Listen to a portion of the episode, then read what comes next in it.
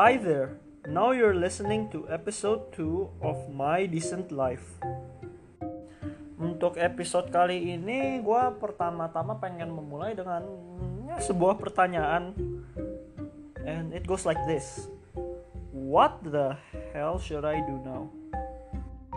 Ya maksud gue sih sebenarnya kayak sekarang udah bulan Juli dan puji Tuhan tugas kuliah gue untuk semester ini udah kelar dan ya gue officially move on ke semester selanjutnya.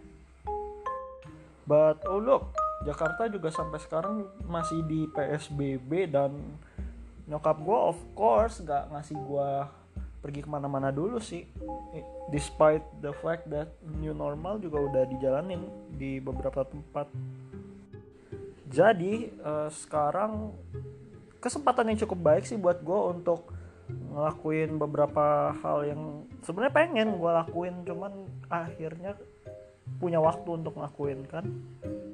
So first things first what came in mind sih buat gue ya pertama-tama berusaha lah nyari konten yang lebih baik untuk podcast ini dan juga berusaha meningkatkan durasi dari podcast ini sih. Cuman gue sebenarnya tetap berusaha sih make sure kalau podcast ini tuh ya tetap original soal live gue yang emang ya decent aja gitu nothing special. Actually dengan gue ngeliat podcast podcast sebelah gitu yang durasinya bisa sampai 30 menit satu jam itu sebenarnya sih buat gue agak insecure sih ya. But sekali lagi ya gue mesti ingat kalau ini sebuah sebenarnya part of the process jadi ya gue pertama mesti face it dan ya berusaha untuk jadi lebih baik dan lebih baik sih dalam setiap episode podcast ini Oh hey, you know what takes me off? Ketika malam gini gue lagi ngerekam podcast ini terus tiba-tiba di jalan besar sono depan rumah gue ada yang geber-geber motor biasanya. Sucks you know, malam-malam motor ngebut-ngebutan, knalpotnya berisik, siang-siang motor gak bisa lari, knalpotnya berisik. I just don't get why fart cans are a thing. Iya itu maksud gua knalpot knalpot yang bikin mobil lu makin berisik. Ya jadi lu yang modif knalpot lu biar makin berisik. Haha you're not doing any good for anyone. Oh iya beberapa hari lalu juga gua ulang tahun dan sebenarnya sih I had plans gitu on what I want to be in the next year. Ya dalam tahun ini sih gue berusaha lah ya biar gue lebih fleksibel gitu sama orang tapi bener cara ngomong gue pas gue masih umur 19 tahun itu ya cukup dingin sih cold as ice and I do believe that is why ice breaking was even a thing. Tapi ice breaking itu susah loh guys. Maksud gue sih kayak stepping out of the comfort zone itu pasti uh, bukan sesuatu yang nyaman sih buat first timers. Beberapa respon yang gue terima mungkin dingin dan juga ya beberapa respon yang gue terima mungkin aja bisa diterima dengan hangat jadi dengan mengingat-ingat orang lain gitu di masa pandemik gini kan jadi bikin gue pengen nge-reconnect sama mereka. Mungkin juga semoga aja sesudah pandemik ini justru malah kita jadi makin deket kan. Cuman sekarang siapa sih yang expect gitu seseorang yang lu nggak begitu akrab gitu ngechat lu di jam 7 pagi tiba-tiba ngomong Hai apa kabar? I mean kayak what are the rules? What are my boundaries gitu. Oh iya gue juga didesak sama nyokap gue untuk ya part time lah di mana gitu. And thank God gitu gue actually ketemu job yang gue cukup tertarik sih. Di sini sih gue berharap gue bisa belajar soal hardships in life gitu kalau urusan soal pekerjaan gitu. But hey what is there to lose now?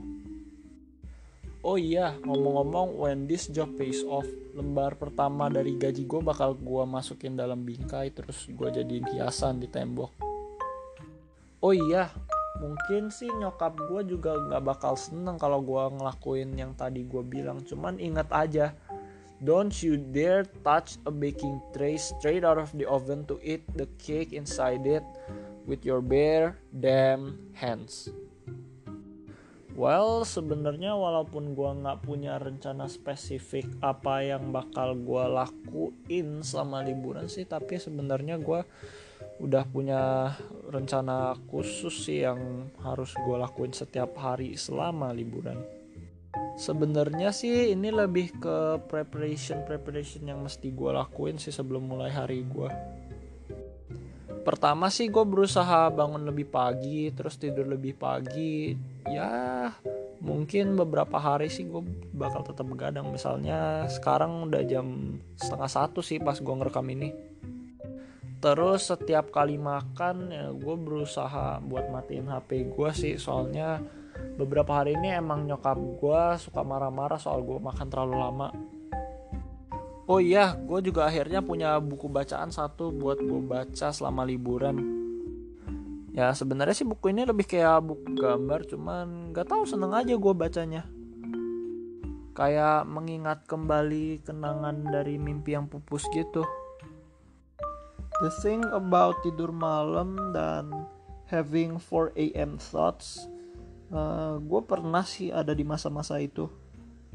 Dan beberapa aspek dari podcast ini sih sebenarnya lahir juga karena 4 am thoughts yang sering gue alamin sih Well, di luar gambaran-gambaran buruk gitu yang muncul tentang 4am thoughts gitu di mainstream media sih, gue tetap berusaha gitu melihat apa yang baik gitu di situ.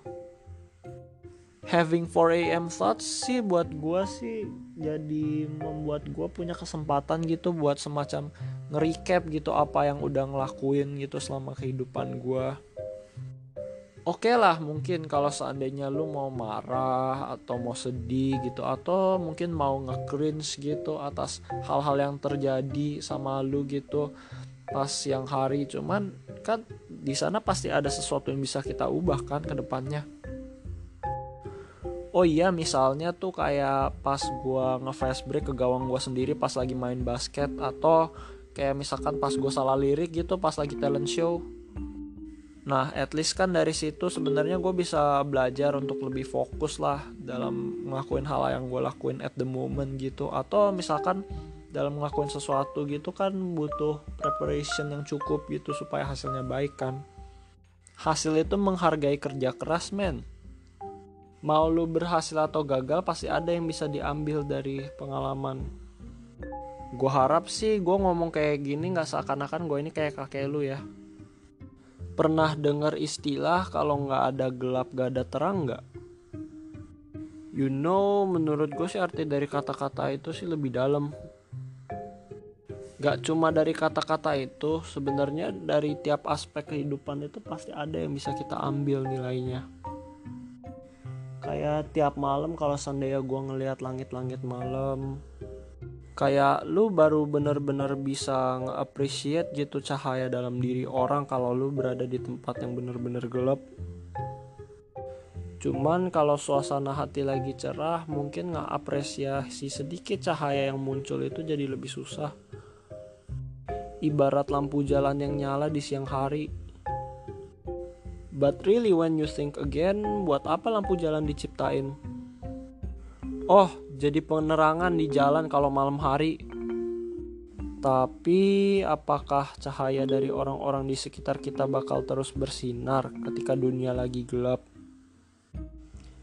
At least that's how I appreciate electrical bills. Ya, basically itu sih ibarat kata cahaya yang ada di lampu malam itu tuh ibaratkan kebaikan yang orang melakukan pada kita dan kayak cahaya pada umumnya cahaya itu kan lebih kelihatan kalau seandainya ruangannya gelap kan? Ya sama juga kayak manusia yang gak jarang cuman ngelihat kebaikan orang ketika dia bener-bener butuh doang. Kadang gue mikir ketika gue mikirin orang-orang apakah mereka mikirin gue juga? Tapi dari orang-orang yang gak gue pikirin apakah ada yang sebenarnya mikirin gue kalaupun gue mikirin orang lain apakah mereka nggak apa-apa kalau gue begitu?